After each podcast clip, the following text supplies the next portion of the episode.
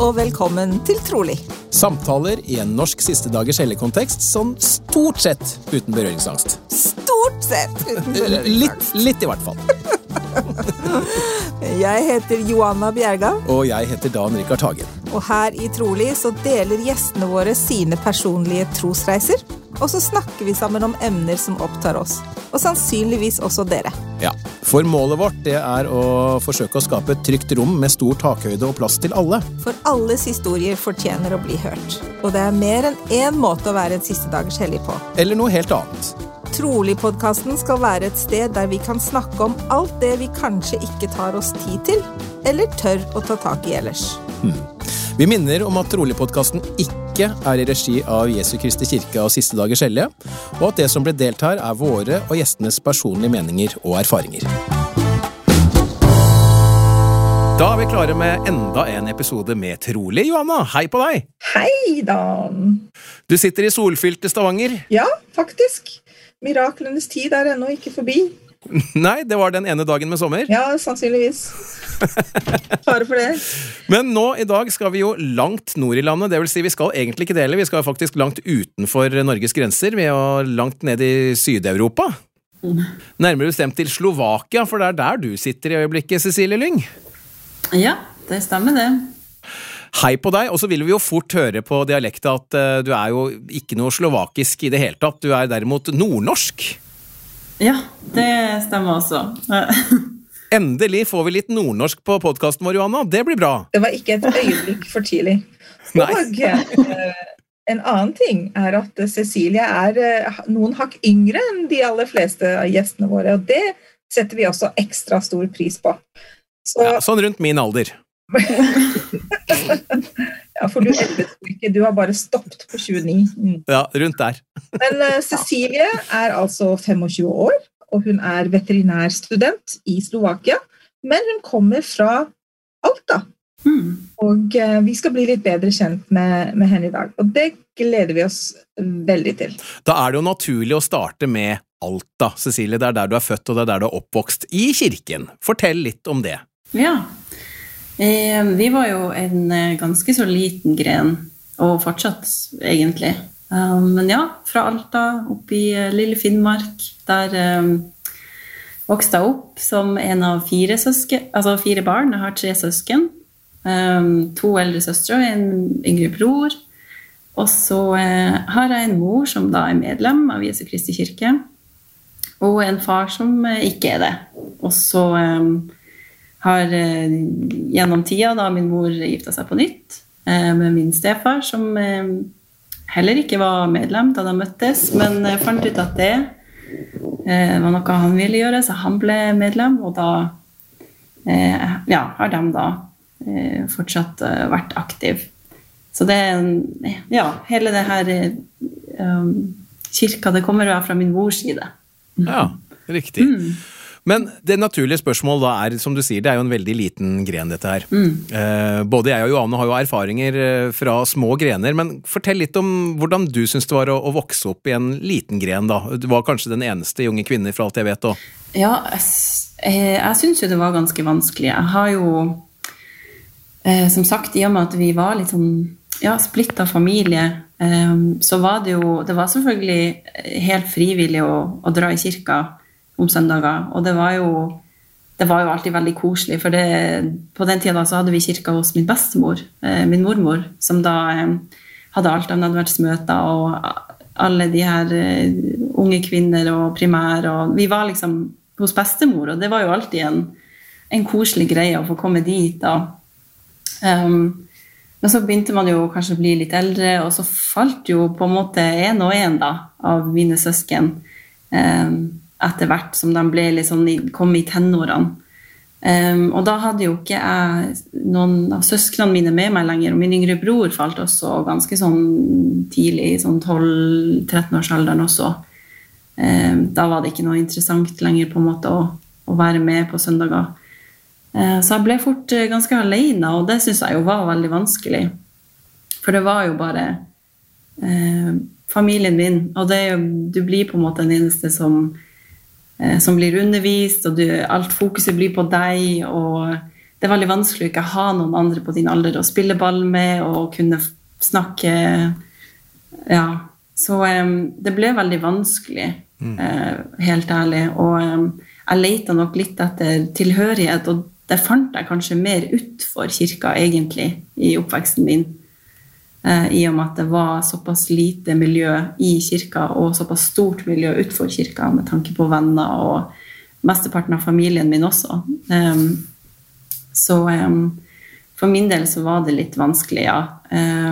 Og jeg har nok hatt den der indre kampen eh, helt siden jeg kan huske, egentlig, med ok, hører jeg til her, eller hører jeg til her?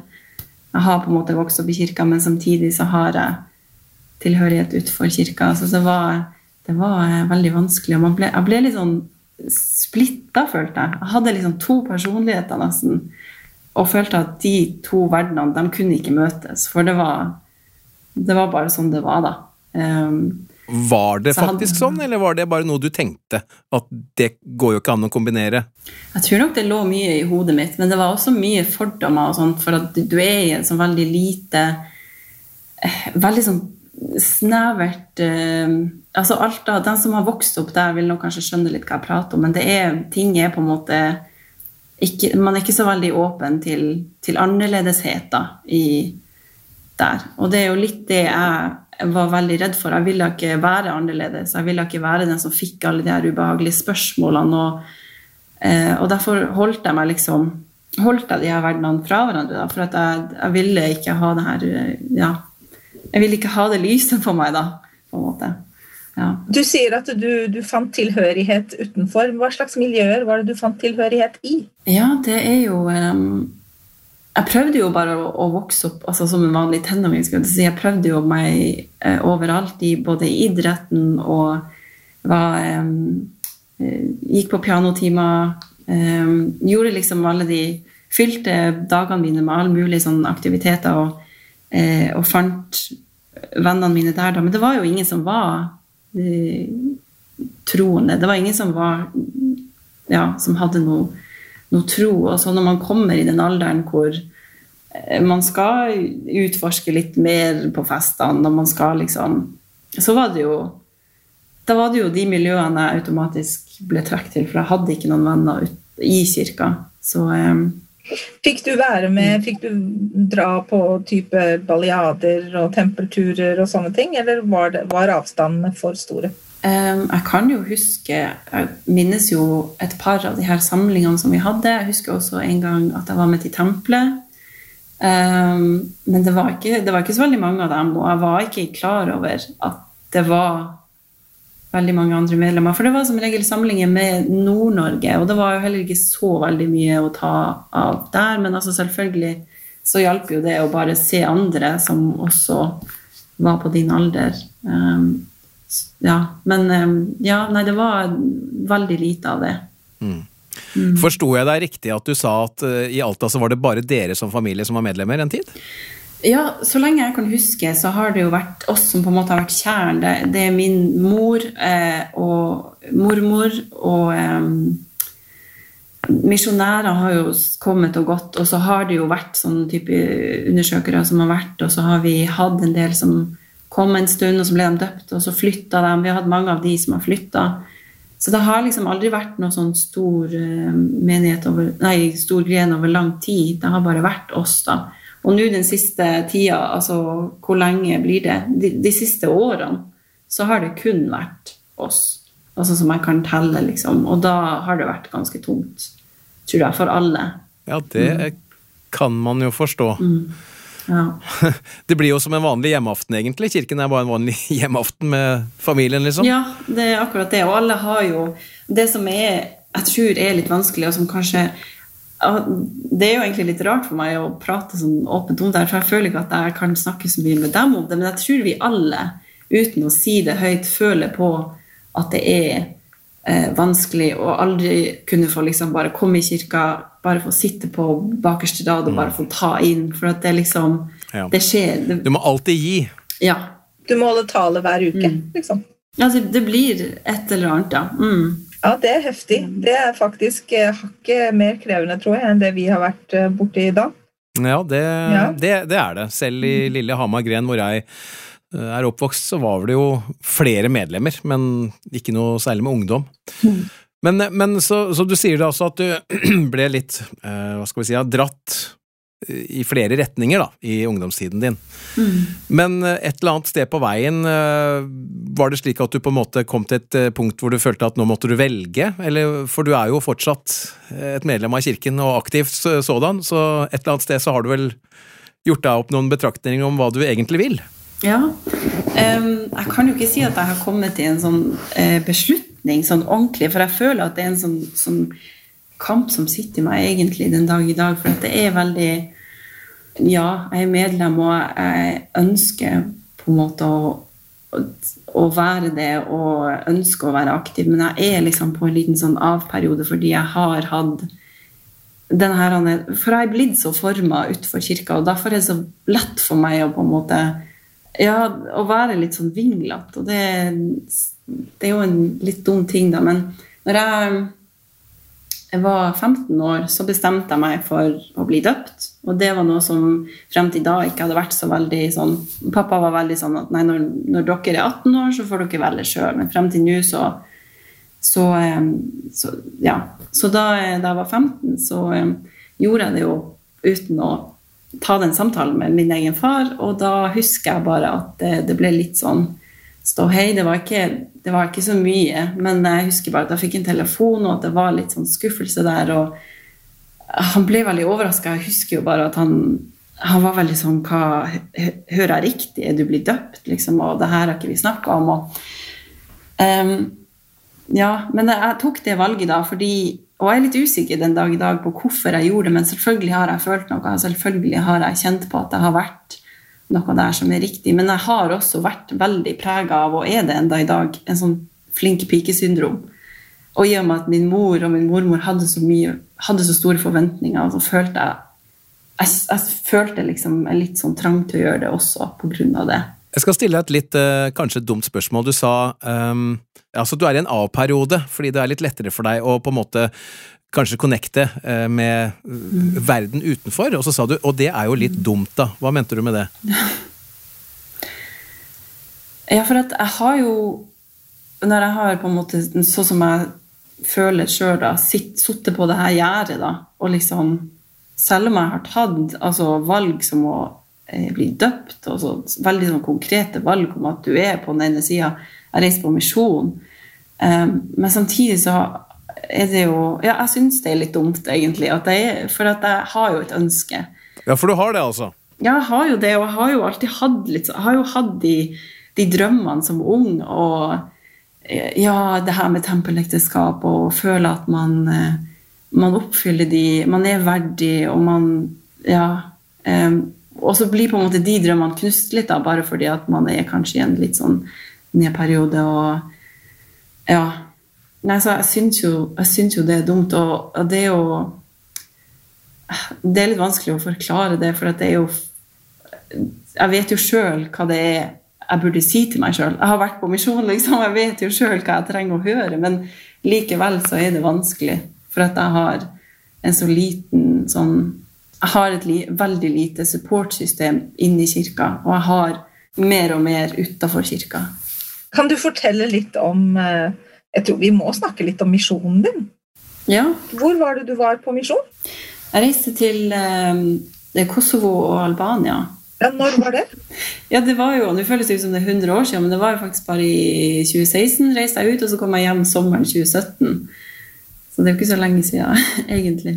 Nei. Fortell om det. Altså, det er ikke ofte vi hører om eh, i hvert fall norske misjonærer som eh, blir sendt dit. Nei, Jeg husker jo også den jeg åpna det kallet, at mamma grein jo bare. og bare, 'Nei, skal du dit?' Og liksom måtte sjekke hvordan det var med sånn type eh, mulig, Altså sjansene for det og alt mulig sånn mafia. Og, ja, man har jo sett Taken, for eksempel, og Så det var jo litt spesielt. Men jeg var jo så glad, og det er jo veldig dumt, men jeg hadde jo ikke så veldig lyst til å reise til Norge og tenkte bare sånn Send meg bare en eller annen plass. For at jeg hadde jo den her sånn Min altså, kirkedel skulle ikke deles med uh, ja, så jeg tror jeg hadde slett veldig, og jeg tror også at himmelske Fader hørte de bønnene der. Så han sendte meg ja, til en helt annen plass. Og det var veldig altså, givende. Jeg elsker misjonen min, og jeg tror eh, det er nok ingenting jeg kommer til å gjøre i livet som kommer til å være så givende som det misjonen min var. Og hadde ånd sterkt med meg hele veien. Jeg vokste kjempemye, følte jeg sjøl. Jeg følte jeg aldri har vært så på med sånn åndelig og Ja, det var en helt eh, fantastisk misjon. Det var det. Jeg ble veldig glad i de menneskene. Mm. Så hva slags språk snakker de der? Altså, så blank er jeg. Ja, nei, men, ja, jeg måtte jo lære alt det her sjøl, hvor det ligger og alt det her. Men de snakker albansk. Så du kan rett og slett albansk? Ja, jeg prøver jo å opprettholde det også. Jeg har jo en god del folk som jeg må snakke litt med ukelig, og sånn, bare for å opprettholde det. Men ja, det mm. Fortell litt om kirken i Kosovo, Albania. Åh, oh, den er så herlig. Um, Nå um, var jeg jo eh, noen måneder i en ganske sånn etablert by, hvor kirka hadde vært en stund. Eh, men misjonen den åpna for eh, bare sånn 20-25 år siden. Eh, og den var veldig ung, eh, og medlemmene var veldig unge. Det var første generasjon, så vidt andre generasjon var begynt å på en måte komme inn. Eh, og så husker jeg vi åpnet et nytt område hvor jeg var så heldig og fikk bli sendt inn ganske tidlig. Og da var jo kirka enda sånn Man var ikke helt klar over hva man skulle gjøre på vitnesbyrdsmøtene. Folk reiste seg opp og leste dikt de hadde skrevet, og folk reiste seg og klappa, og det var liksom Vi bare kjente at det her var jo helt nydelig. Vi syntes det var så gøy. Um, så det var eh, Og folk var veldig sulten på evangeliet der, og det var bare så Ja, jeg hadde drømmemisjon sånn sett, med dåp og mennesker som sårt trengte å høre om evangeliet, om Ja. De, for de har hatt en ganske sånn streng periode med kommunisme der hvor ingen religion var lov. De sa det jo hele tida at religion her, det er bare det er albansk. Eller sånn. Det er landet vårt, det er religionen vår. Og det var kun det som var lov veldig lenge òg, så de var virkelig sultne på ja, å få høre. Hva følte du at du lærte på misjon, som du på en måte har tatt med deg videre?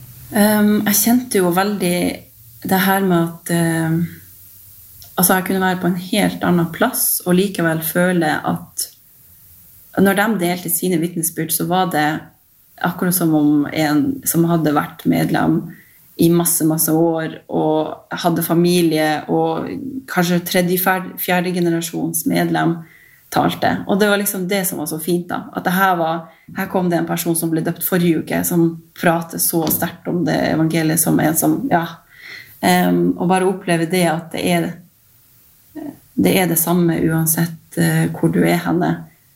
Um, jeg, lærte, jeg, lærte, veldig mye. Jeg lærte masse nestekjærlighet, fordi de er altså så glad. De har ikke så mye, men de gir så mye av seg sjøl. Og de er veldig Kristus-like. Og det, syns jeg er så fint. De er ja, litt annerledes enn nordmenn. Vi kan være litt kalde, og vi kan være litt sånn Ja.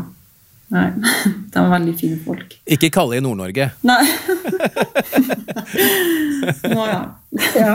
Og så kom du hjem, og så ble det veterinærstudier. Hva var det som gjorde det? det ja. Har det vært planen hele veien, eller hva var det som gjorde at du havnet inn på det?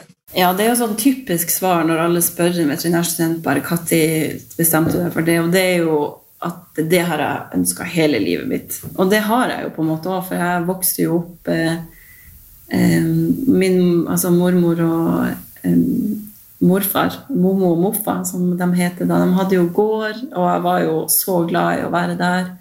Og da husker jeg jo at jeg, jeg sa til til Moffa. Altså, han hadde et enormt dyretekke. Eh, at jeg bare hadde så lyst til å Jeg hadde lyst til å ha det òg, og hadde lyst til å holde på med dyr i yrket mitt. Og da var det jo veterinærmedisin som var veien. Jeg har jo tenkt litt sånn Ok, kanskje jeg kan Kanskje jeg bare kan bli, altså gårds, starte gårdsdrift og sånn, men så tenkte jeg det lønner seg nok å, å en, ta en veterinærutdanning. Så, og trives veldig godt. Og Det er derfor du er i Slovakia, fordi du, er, du, studerer til å bli veterinær der. Og Tar du hele utdanningen i Slovakia? Ja. Jeg begynte i Bodø, for det er et slags, det heter Joint Study Program. Så vi starta der, og så hadde vi ett og et halvt år, og så ble vi sendt ned hit, altså med en sånn skole som samarbeider med Nord universitet. Så samarbeids, mm. samarbeidsstudier, spennende. Og hvis For å komme inn på veterinærstudiet i Bodø, så antar jeg at du er litt sånn skoleflink. Du nevnte at du var litt sånn, litt sånn flink pike-syndrom. Ja, og jeg, jeg setter jo veldig høye krav til meg sjøl, så jeg, ja, jeg, prøver jo å, å, alltid gjøre det beste. Og av og til er jeg litt sånn kanskje ikke fornøyd med ja, med karakterer og sånn, og det har jo vært litt vanskelig nå da i koronatida, for at man får jo ikke man, ja, karakteren har kanskje det, det, vises kanskje litt at man ikke har det praktiske, og man mister mye da i denne tida. Så eh, det har vært litt vanskelig, eh, for å si det sånn. Men eh, ja, man, man må jo ha en, et snitt for å komme inn der, ja. Men det er jo også en skole i Oslo, Veterinærhøgskolen, og den er jo enda høyere og mye mindre plasser. Og så tenkte jeg jo ja, det hadde vært eh, fint å gå der, men samtidig det er jo litt spennende å komme seg ut. Jeg syns jo det er gøy, så. Og du er altså omtrent halvveis i studiet, slik jeg forstår det? Ja, ble akkurat ferdig med bachelorgraden, så da er det tre år igjen. Og du, du, kom ned til, hvis jeg forsto det riktig, til Slovakia nesten rett før koronaen uh, satte i gang, var det så? Ja, det var typisk det. Vi kom i mars i fjor, så uh, Ja, ikke sant? Ja. Mm. Bare noen dager før det hele lockdown kom, da. Ja. Har du da vært i Slovakia gjennom den perioden og opplevd koronaen der nede? Ja, vi hadde jo først eh, lockdown, og så tenkte vi ja, men det her varer bare litt, så vi ser det an. Og så eh, jo, begynte de å stenge grensene, og de stengte eh, altså alt av fly og sånt. Og da jo, fikk jo vi litt panikk, for vi hadde ikke så veldig lyst til å sitte her hvis det var en ganske sånn seriøs greie. Vi ville jo hjem til familie og sånn. Så da Vi rett og slett chartra et fly da vi ringte et reisebyrå, og så sendte de oss alle nordmenn hjem da før, før, det aller verste kom. Så da var jeg hjemme. Men jeg kom tilbake hit eh, eh etter sommeren og starta opp igjen i høst. Og ble her en stund da. Men så skjedde jo det samme på nytt. Og, ja. Så da dro jeg hjem til jul, og så kom jeg tilbake hit nå for å ta eksamen og sånn. Okay. Så, ja. okay. mm. så, du har med andre ord ikke fått veldig mye sjanse til å oppleve kirken der nede, du da? Nei, nei, nei. det det gikk én søndag, altså, før ja. de stengte ned alt. Og da, en hel søndag? Ja, en hel søndag. og hvordan var den søndagen da, Cecilie? det, var, det, var, veldig koselig. De var ikke så veldig mange. Det er en ganske liten gren her. Og det er, gren, det er faktisk bare 400 medlemmer i hele Slovakia. Eh, men så bor jeg i Slovakias tredje største by, så da, derfor er det jo en del som er, som er her. Da. Men fortsatt ganske liten gren. Um, men de var veldig hyggelige. Høres ut som du har en jobb å gjøre der nede? Ja, ja jeg hører jo det. Og det, var litt sånn, det er jo liksom følelsen man får når man kommer dit og bare sånn Ja, nei, jeg skal jo være her i, i tre-fire år. Og alle bare 'Å, nei, men så bra, da har vi masse arbeid til deg.' og sånn. Det blir litt sånn, ja. ja. Slovakisk ligner det på albansk? Er det lignende? Er det noe fellesspråklig? Er det Nei, det er, det er det som er litt kjipt med albansk, det er at det ligner ikke på noe. Så jeg får ikke brukt på en måte de Men jeg får jo brukt det her grammatiske, da. Eh, med kasus og alt mulig sånt. Så får jeg jo Pluss at eh, en del av misjonen min var jo også Makedonia. Eh, og der snakker de ganske likt som de gjør her i Slovakia. Så når vi var på sånn, hva det heter, sånn exchange, så lærte vi oss litt makedonsk for å bare kunne få ja, snakke der. Så det her har jeg fått bruk for her, da. Det er jo litt gøy. Ja. Sånn slavisk språk. Utrolig kult. Mm. Så hva slags veterinær tenker du at du blir etterpå? Oh, det er litt vanskelig. Jeg er veldig glad i stordyr og gårdsdyr. Um, men jeg har jo blitt veldig glad i fisk, av alle ting. Uh, det er veldig rart, men uh, det er så mye nytt, og det er så mye, det er så mye som må jobbes med, for det er så, uh, det er så ferskt. Akvakultur er så, det er så bredt, og det er så nytt, og det er så mye ny forskning hele tida. Så det er kjempeartig å få være med på utvikling der. Eh, så da skrev jeg faktisk bacheloren min om, om eh, sykdom på laks. Så um, jeg tror nok jeg vil jobbe litt innenfor det, men samtidig ha en fot innenfor gårdsdyr. Og jeg er jo veldig glad i hunder. Vi har jo massevis av dem, så må jo, jeg må jo kunne litt om dem òg, da. Når du sier at du har massevis av hunder, jeg innbiller meg at jeg har hørt at du driver med hundekjøring òg? Ja, det stemmer. Det var jo egentlig min uh, stefar, da, han Runar, som uh, heiv seg inn i det plutselig. Og så har han jo blitt kjempebitt av basillen, og da har jo jeg også holdt på med det pga. han. Så vi har en god del der nå som vi kjører ut kjøre med slede og kjøre litt løp og sånt. Kult. Mm. Ser du for deg at du flytter tilbake til Alta når du er ferdig? At du blir i Nord-Norge? Eller er du åpen for alt? Jeg er jo egentlig ganske åpen, men jeg er jo kjempeglad i, i Nord-Norge.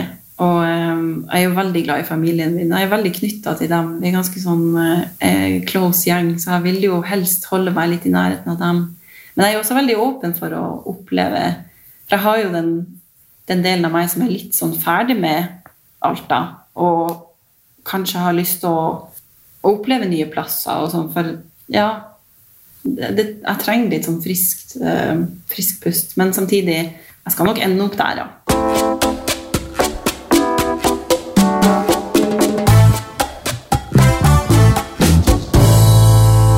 Du hører på Trolig-podkasten med Joanna og Dan, i dag med et besøk fra Cecilie Lyng, som altså sitter i Slovakia og snakker med oss derfra.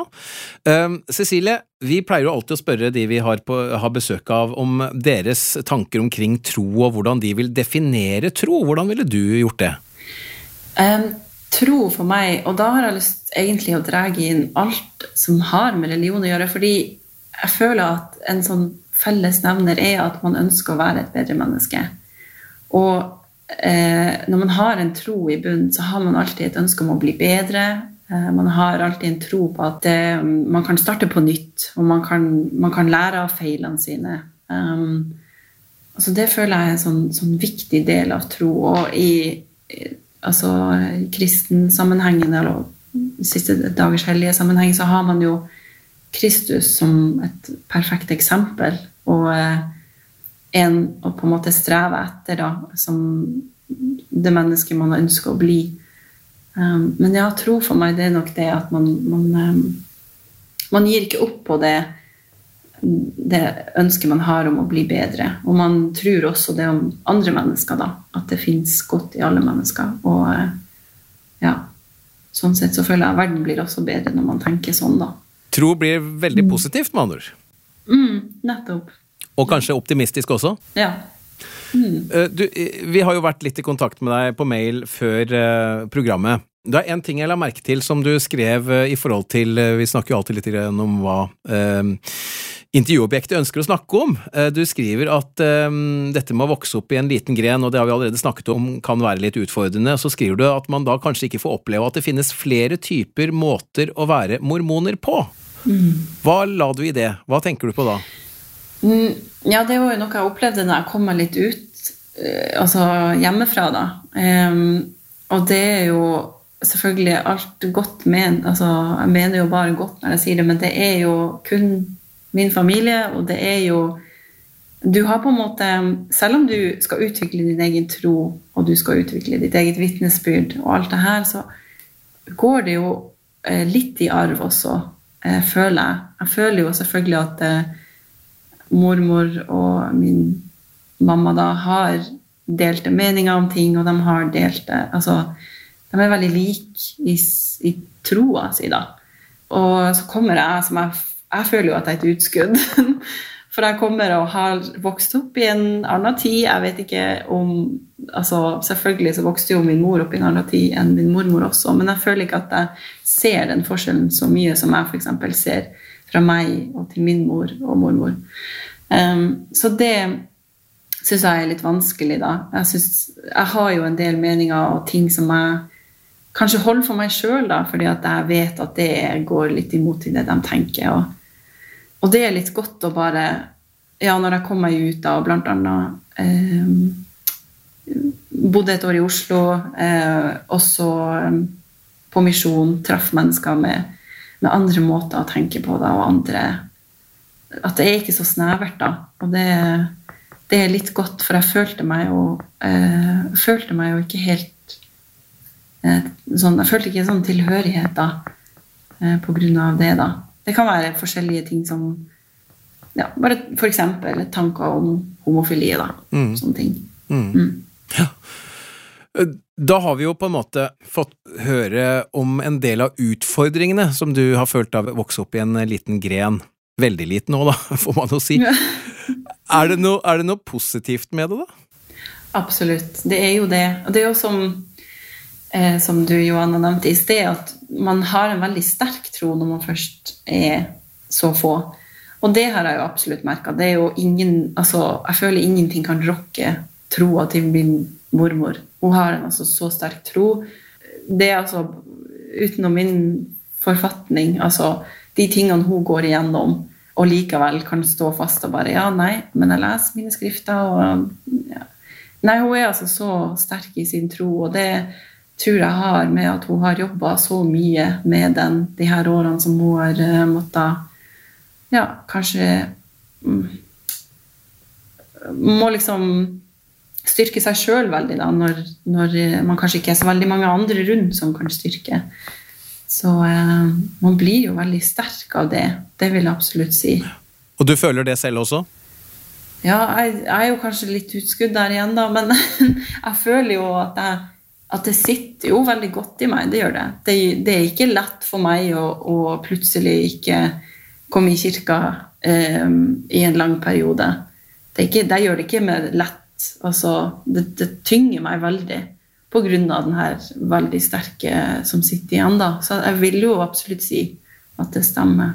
Det handler jo mye, det handler mye om liksom at, at, det er et mye mer bevisst valg. Sant? Du må velge det. Mm. Det er ikke noe du bare seiler, seiler med på, liksom. Ja. Jeg, jeg, er jo litt nysgjerrig. da. Veldig, hvordan vet du, Kjenner du historien bak hvordan din mormor kom inn i kirken? Ja, hun har jo fortalt det en god del ganger, men nå er jeg jo jeg så dårlig For jeg spør alltid om hun kan fortelle det. Um, så uh, nå skal jeg prøve å huske. Men det var hennes uh, mor og far som ble introdusert Altså, hun bodde i Finland på denne tida, da det var misjonærer der. Og uh, de introduserte kirka, og så var de litt sånn Nei, men hva er det for noe? Og så var de en tur på besøk da, på gudstjeneste en søndag og fant ut at det var det var eh, fint og eh, tok med seg alle barna. Og da tror jeg hun var 14 år, så vidt jeg husker. Og, eh, og da ble hele familien da eh, døpt i kirka. Mm. Så det, ja. Du er rett og slett fjerde generasjons medlem av kirken? Ja, det blir det. Mm. Det er vel eh, bra gjort å være i Norge? Ja, ja. egentlig. Det er sant. Ikke så mange av de. Nei.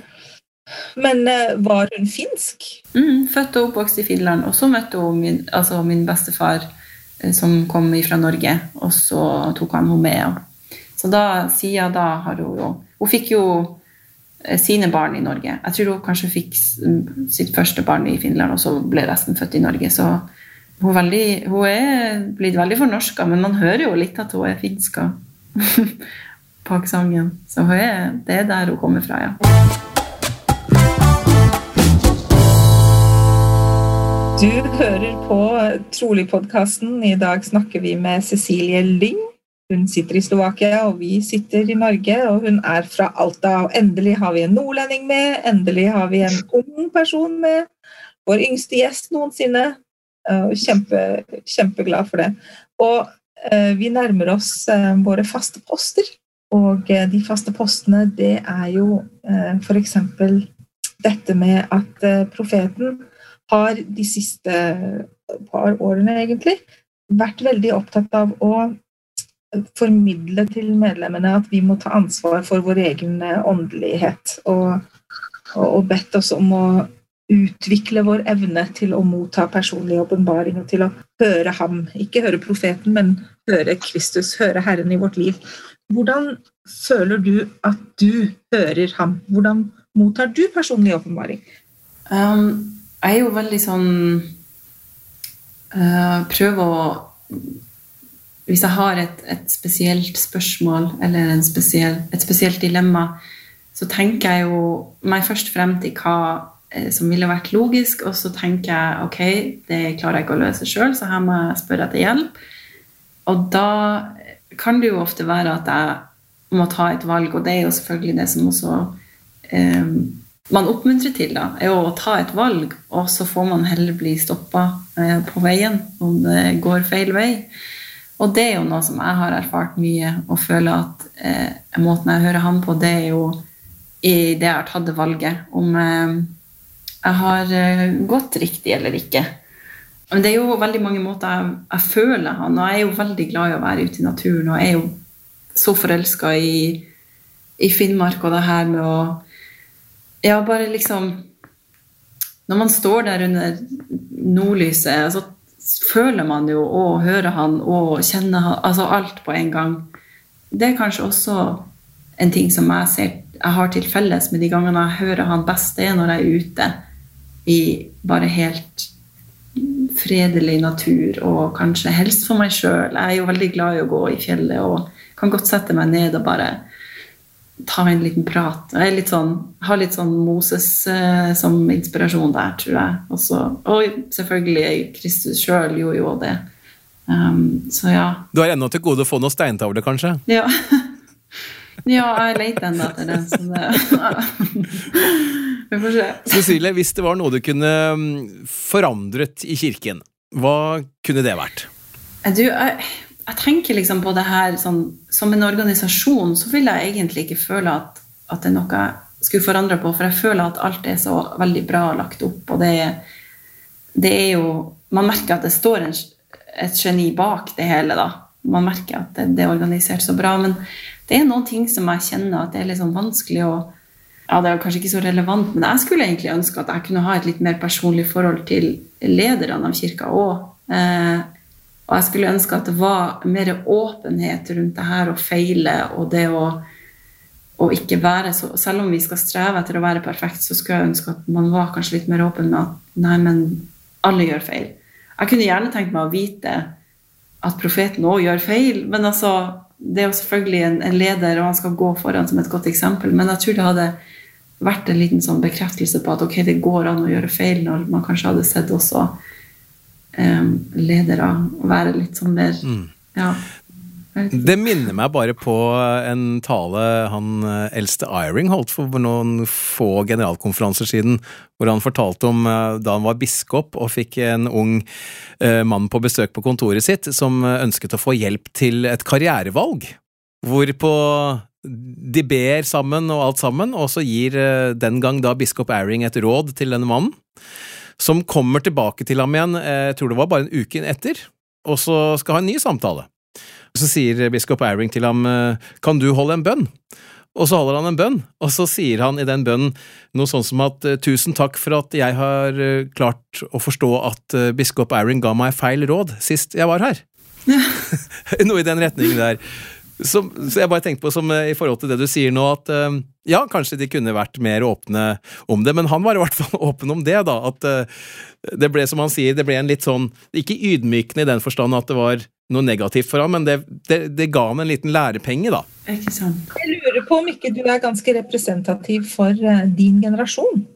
At dere er uh, mer opptatt av um, rettferdighet, på en måte. Mer opptatt av altså, like, likeverd og, og like mm. rettigheter ja. enn kanskje tidligere generasjoner. At vår generasjon har kanskje vært litt mer sånn ja ja, men sånn er det bare. Mens deres mm. generasjon er litt mer ja, men det, det, er feil, og da må det forandres. Ja, Eller hvorfor er det sånn, kanskje? Ja, eller hvorfor er det sånn? Må det være sånn? At dere mm. stiller mer spørsmål. Det tror jeg er så bra, og det tror jeg er så sunt. Og jeg har store forhåpninger til din generasjon når det gjelder For det er jo dere som blir lederne i kirken fremover. sant? Og skamlinger øh, forsvinner etter hvert, og så blir det dere som, som tar over.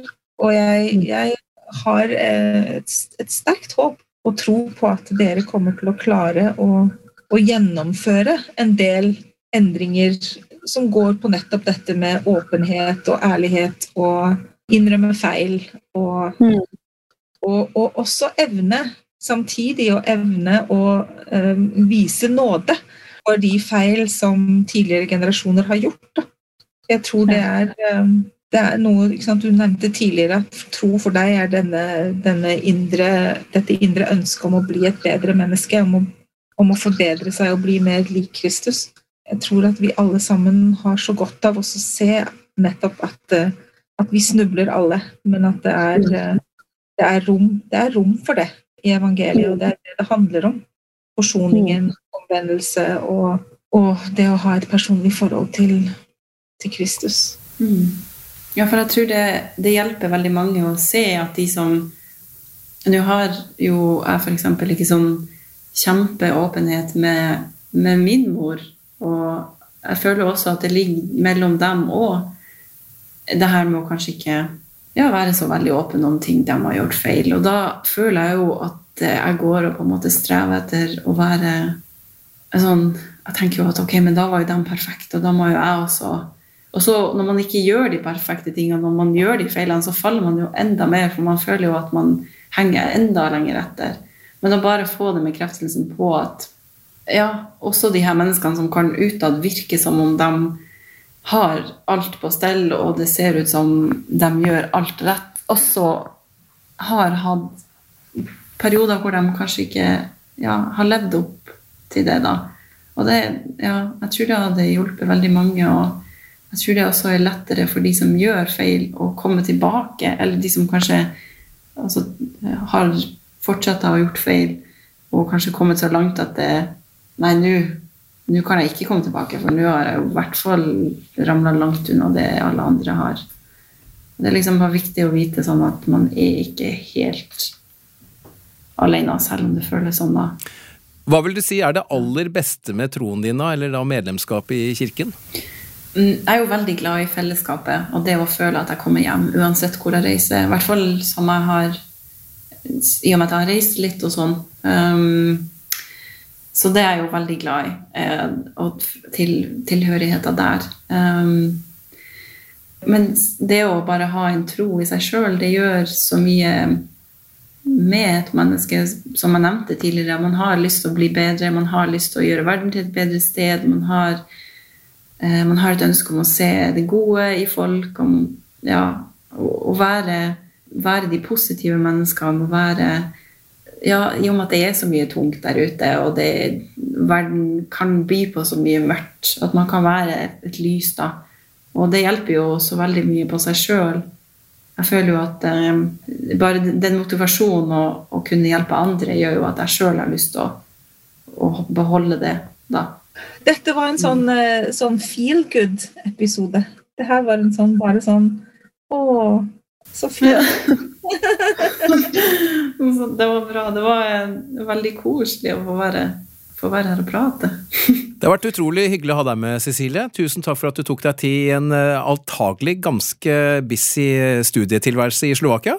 Ja, tusen takk for at jeg fikk være med. Det har vært så koselig. Lykke til, og så ses vi da som veterinær. Ja. På et tidspunkt. Ja, tusen takk. Jeg skal uh, bare komme med dyrene, så skal jeg ordne.